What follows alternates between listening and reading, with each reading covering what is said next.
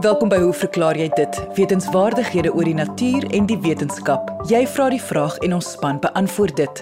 My naam is Lise Swart en ons paneelkenners vandag is herpetoloog professor Lefras Meton, medikus Dr Heinz Middler en microbioloog Dr Marnel Meton.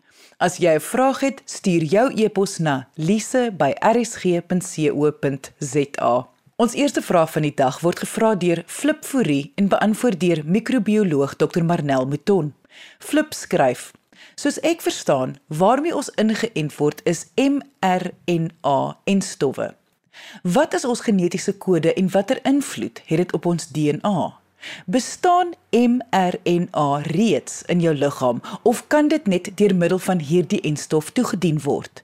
Ek sal bly wees as u dit kan verduidelik, want ek dink dit is waar baie van ons 'n probleem het met die invloed wat hierdie enstof op ons DNA-samestelling het.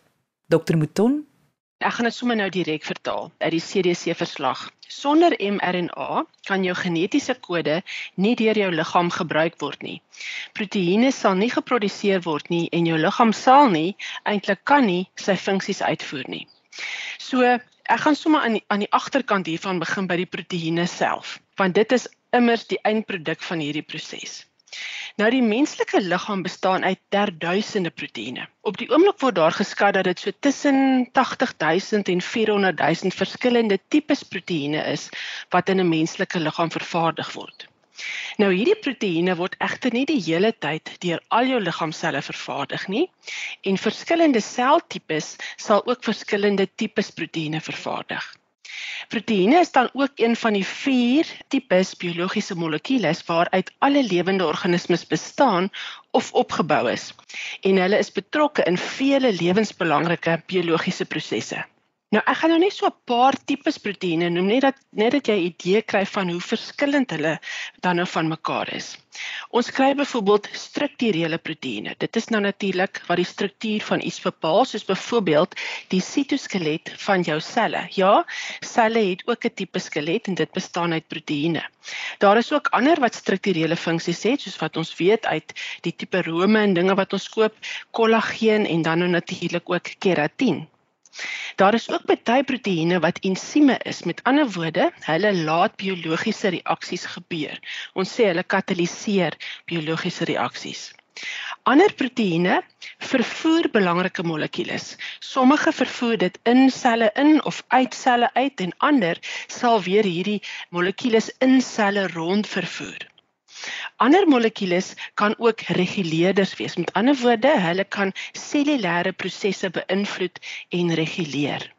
Ons kry ook hormone wat proteïene is, soos byvoorbeeld insulien en ek dink nie ek hoef te verduidelik wat die funksie van insulien is nie. Daar is ook proteïene wat die liggaam beskerm, soos byvoorbeeld antiliggame. En daar is nog vele meer wat ek nou hier kon genoem het. So proteïene is betrokke in vele lewensbelangrike biologiese prosesse en lewe is eenvoudig nie moontlik sonder die aanhoudende produksie van proteïene in selle nie. As ons nou kyk na die struktuur van proteïene, is hulle struktureel fundamenteel soortgelyk aan mekaar. Alle proteïene bestaan uit een of meer polypeptied kettinge. Nou dis 'n groot woord, maar dit beteken basies dat dit 'n lineêre ketting of string van aminosure is. En ons kan dit amper met 'n stringkrale vergelyk, waar die krale dan 20 verskillende tipes aminosure verteenwoordig.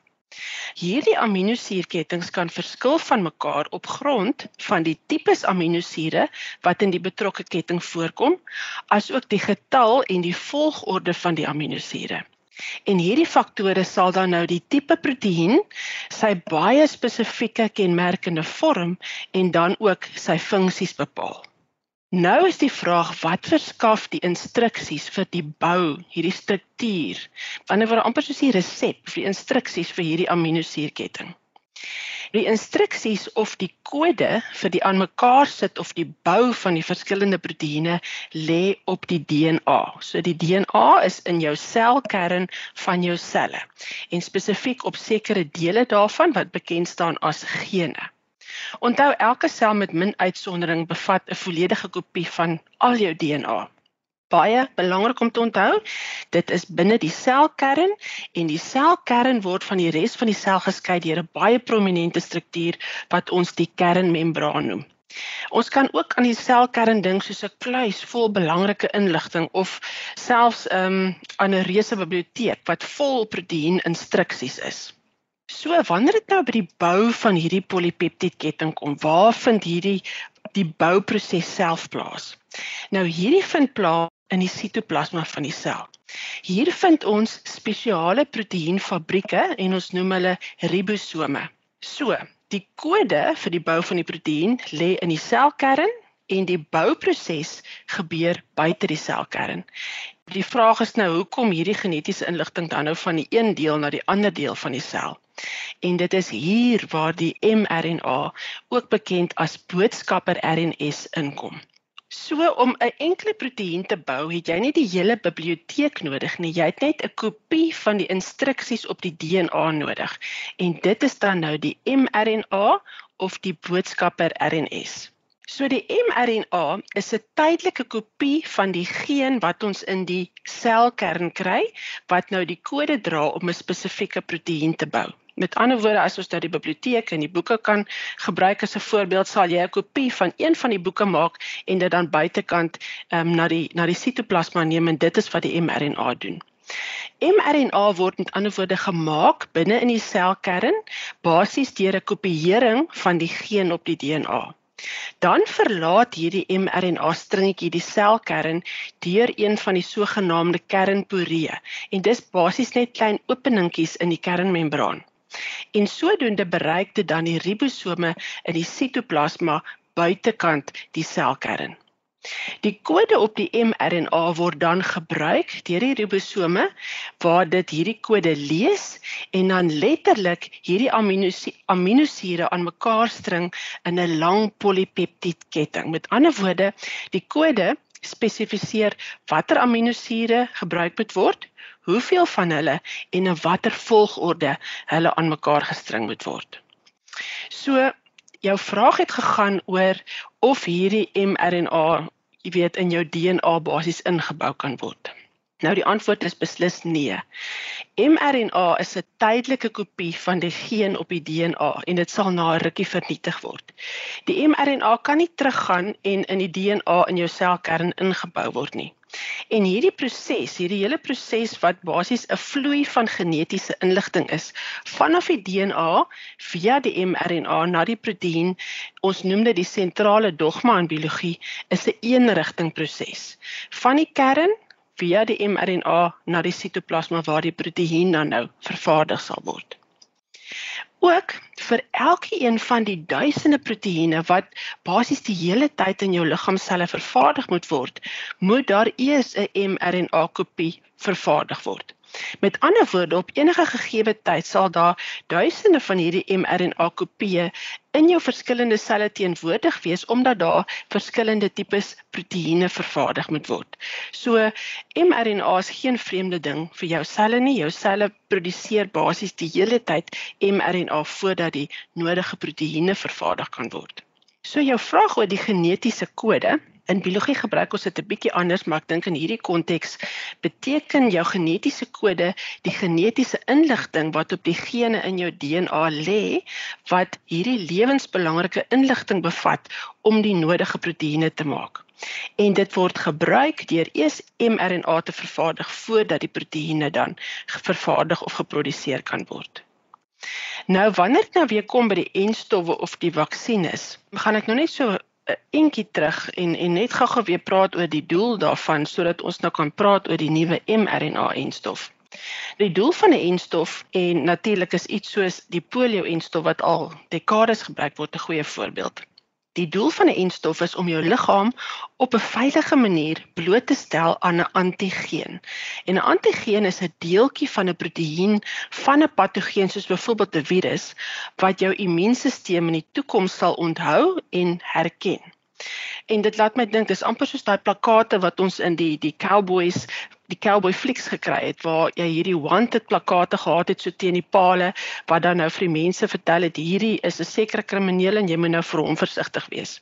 Ehm um, so hierdie ehm um, enstof is amper soos 'n plakkaat vir jou immuunstelsel wat vir hom wys en leer wat om te herken en dan in die in die toekoms te vernietig wanneer hy wel hierdie patogeen of virus dan in die toekoms sal teekom. Nou in die verlede was enstowwe gewoonlik vervaardig deur die gebruik van dooie of of of um, patogene wat doodgemaak is basies of 'n verswakte weergawe van daai patogeen. En dit kan nou van 'n virus of wat ook al wees wat 'n siekte veroorsaak. So hierdie enstof, hierdie ehm um, dooie of verswakte weergawe sou dan in 'n persoon ingespuit word en dit sou dan 'n immuunreaksie ontlok. En sodoende het hierdie persoon wat nou hierdie vaksin ontvang het, het sy eie immuunstelsel dan teen liggaampies teen die virus geproduseer. Poliovirus en die maselsvirus is goeie voorbeelde hiervan en hulle word al baie lank gebruik omdat die omdat hierdie virusse nie maklik muteer nie en ons kan ons kan basies dieselfde enstowwe weer en weer vir hulle gebruik. Maar die ontwikkeling van hierdie enstowwe het baie lank geneem. As ons dink aan die geval van die enstof vir die maselsvirus, het dit byna 10 jaar geneem om 'n geskikte verswakte weergawe van hierdie virus te kweek. 'n Weergawe wat swak genoeg was om nie die persoon siek te maak nie, maar sterk genoeg was om wel 'n immuunreaksie uit te lok. Nou gaan ons na die COVID-19 enstowwe. Om COVID-19 te bekamp word daar basies twee enstowwe gebruik. Die een is die oudtydse soort, as ek dit so kan stel, soos wat ek nou net verduidelik het, en dan kry ons die nuwer tipe um, wat eintlik nuwe tegnologie is, die sogenaamde mRNA enstof. En dis nou hierdie een wat almal op hol het want almal glo dat hierdie enstof basies te vinnig ontwikkel is en dit is te vinnig goedgekeur en uitgerol na natuurlik die hele populasie. Maar hierdie is nie die waarheid nie.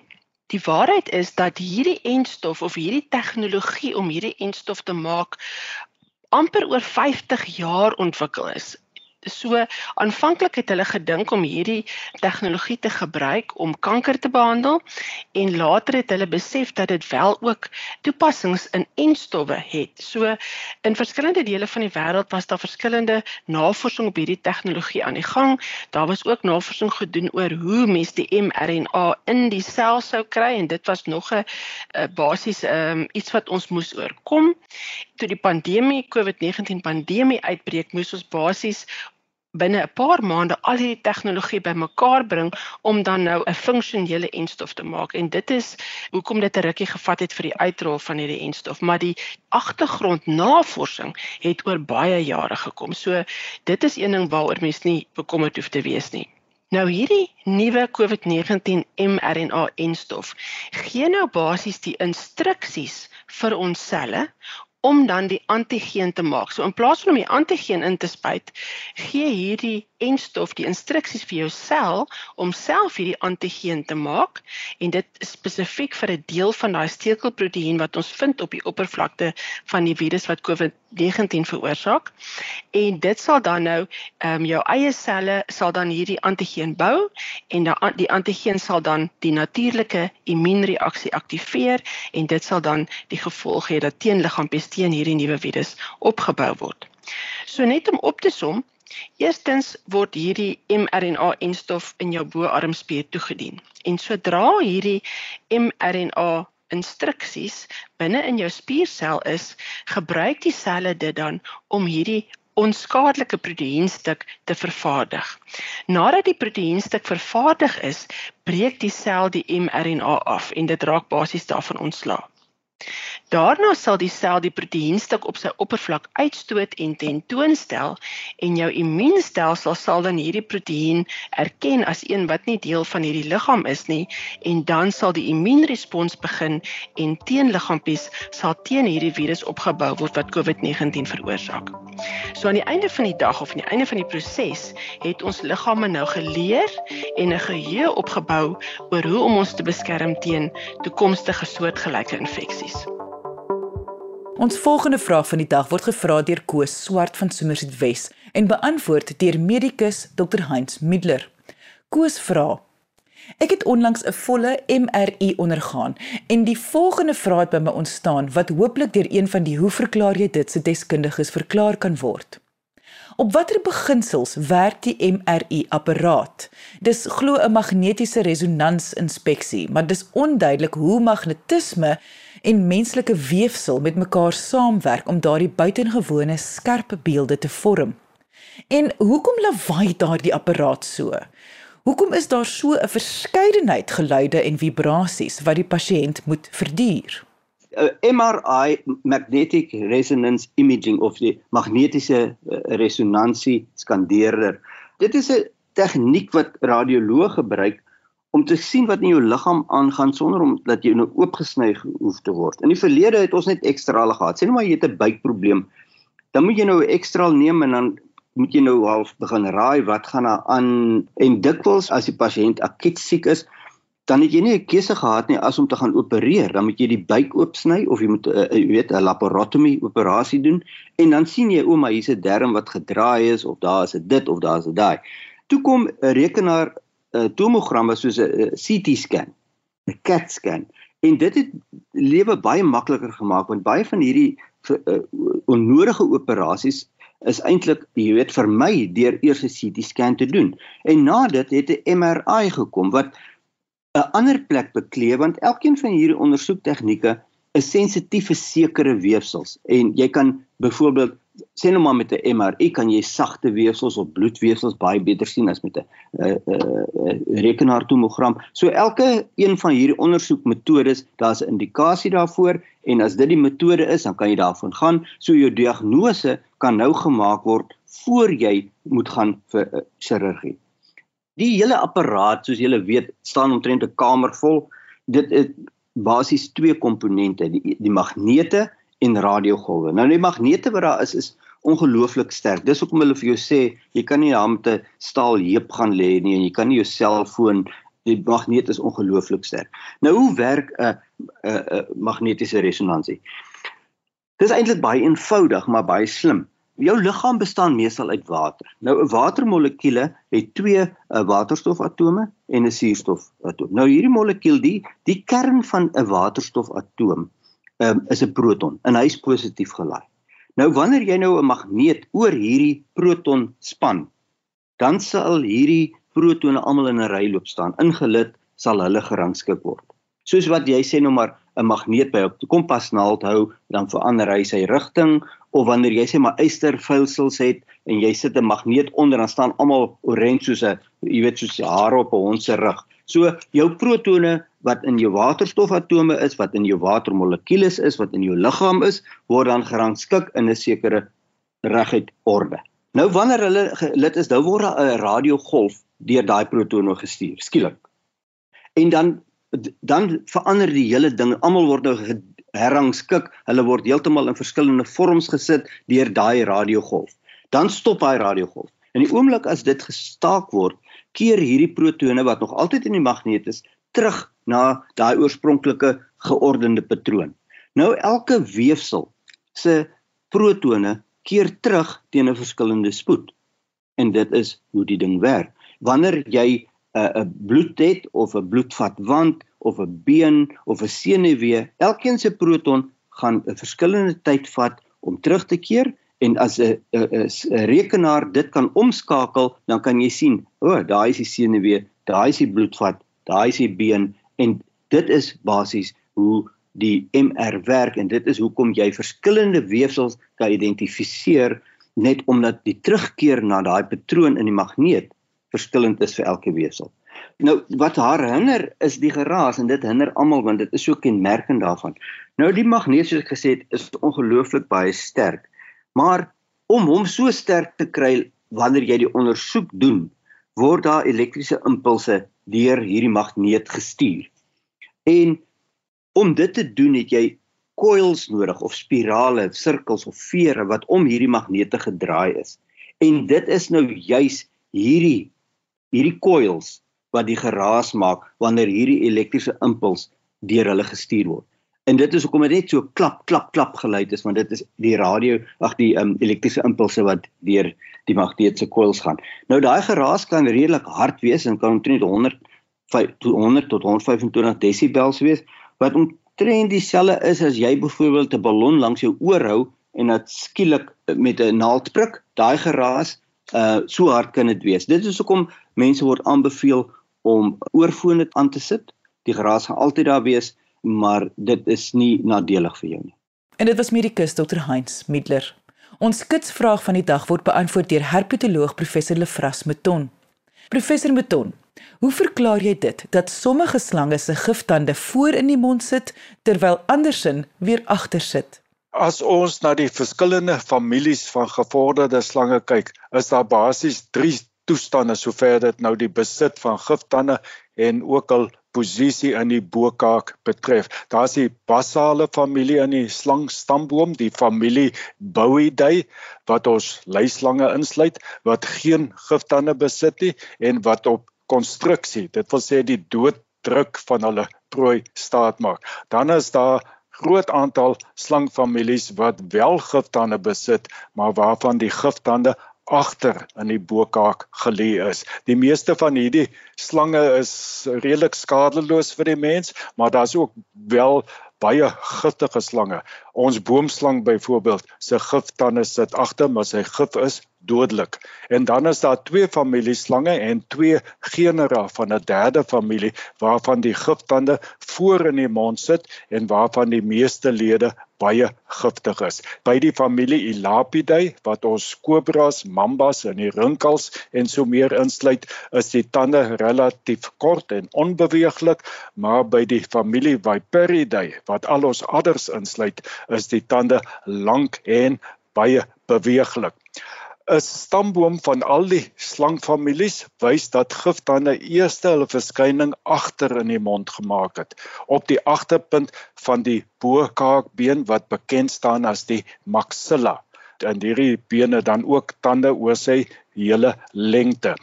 Die toestand waar die giftande voor in die mond geleë is het later in evolusionêre tyd dan nou 3 keer onafhanklik ontwikkel uit voorvaders wat giftande agter gehad het dat giftande met hulle eerste verskyning agter in die mond sou wees maak seker sin gegee dat die twee proto-gifkliere een aan elke kant wat uiteindelik dan nou tot gifkliere omvorm sou word agter die oogkaste geleë is en hul afvoerbuise relatief agter in die monddak open. Aan elke kant het een of meer tande aan die agterkant van die maxilla been dan nou 'n noue assosiasie met die openinge van hierdie buise ontwikkel en oor tyd het hierdie tande dan nou verleng geraak en ook groewe ontwikkel sodat ensieme en dan later ook gif via die tande binne in die prooi se liggaam kan invloei wanneer die slang dan nou die tande in die prooi sou inslaan. Nou sit ons met 'n probleem. Die stamboom wys dat die toestand waar die giftande voor in die mond sit uit die toestand waar die tande agter sit moes ontwikkel het. Nou hoe het dit gebeur? Gelukkig kon in diepte embriologiese studies antwoorde verskaf. Kortom kom dit daarop neer dat die maxilla met die giftande op die agterpunt en oorspronklik dan ook nou 'n groot aantal tande op die res van die been geleidelik van voor na agter verkort het saam met die verlies van tande nano en die oorblywende verkorte deel wat die oorspronklike agterste giftande bevat het dan nou terselfdertyd ook geleidelik na voorgeskuif en in die proses hul verbinding met die gifklier behou deurdat die afvoerbuis van die gifklier ook na voor verleng het. Dit beteken nou nie dat al die tande van die bokaak behalwe nou die giftande verlore gegaan het nie. Daar is aan elke kant nog 'n ander beenelement, mediaan van die maxilla, die sogenaamde pterygoid wat ook tande dra. Nou Dit is dan nou in baie breë trekke min of meer hoe die proses verloop het. Die giftande het eers agter ontwikkel en toe later in 3 onafhanklike gevalle geleidelik na voor geskuif deur die verkorting van daardie bokaakbeen, die maxilla wat die giftande dra. Dit was herpetoloog professor Lefras Meton. Stuur jou e-pos na lise@rsg.co.za. Ek sê baie dankie aan ons kenners en vraagstellers. Onthou om altyd nuuskierig te bly en vra te vra.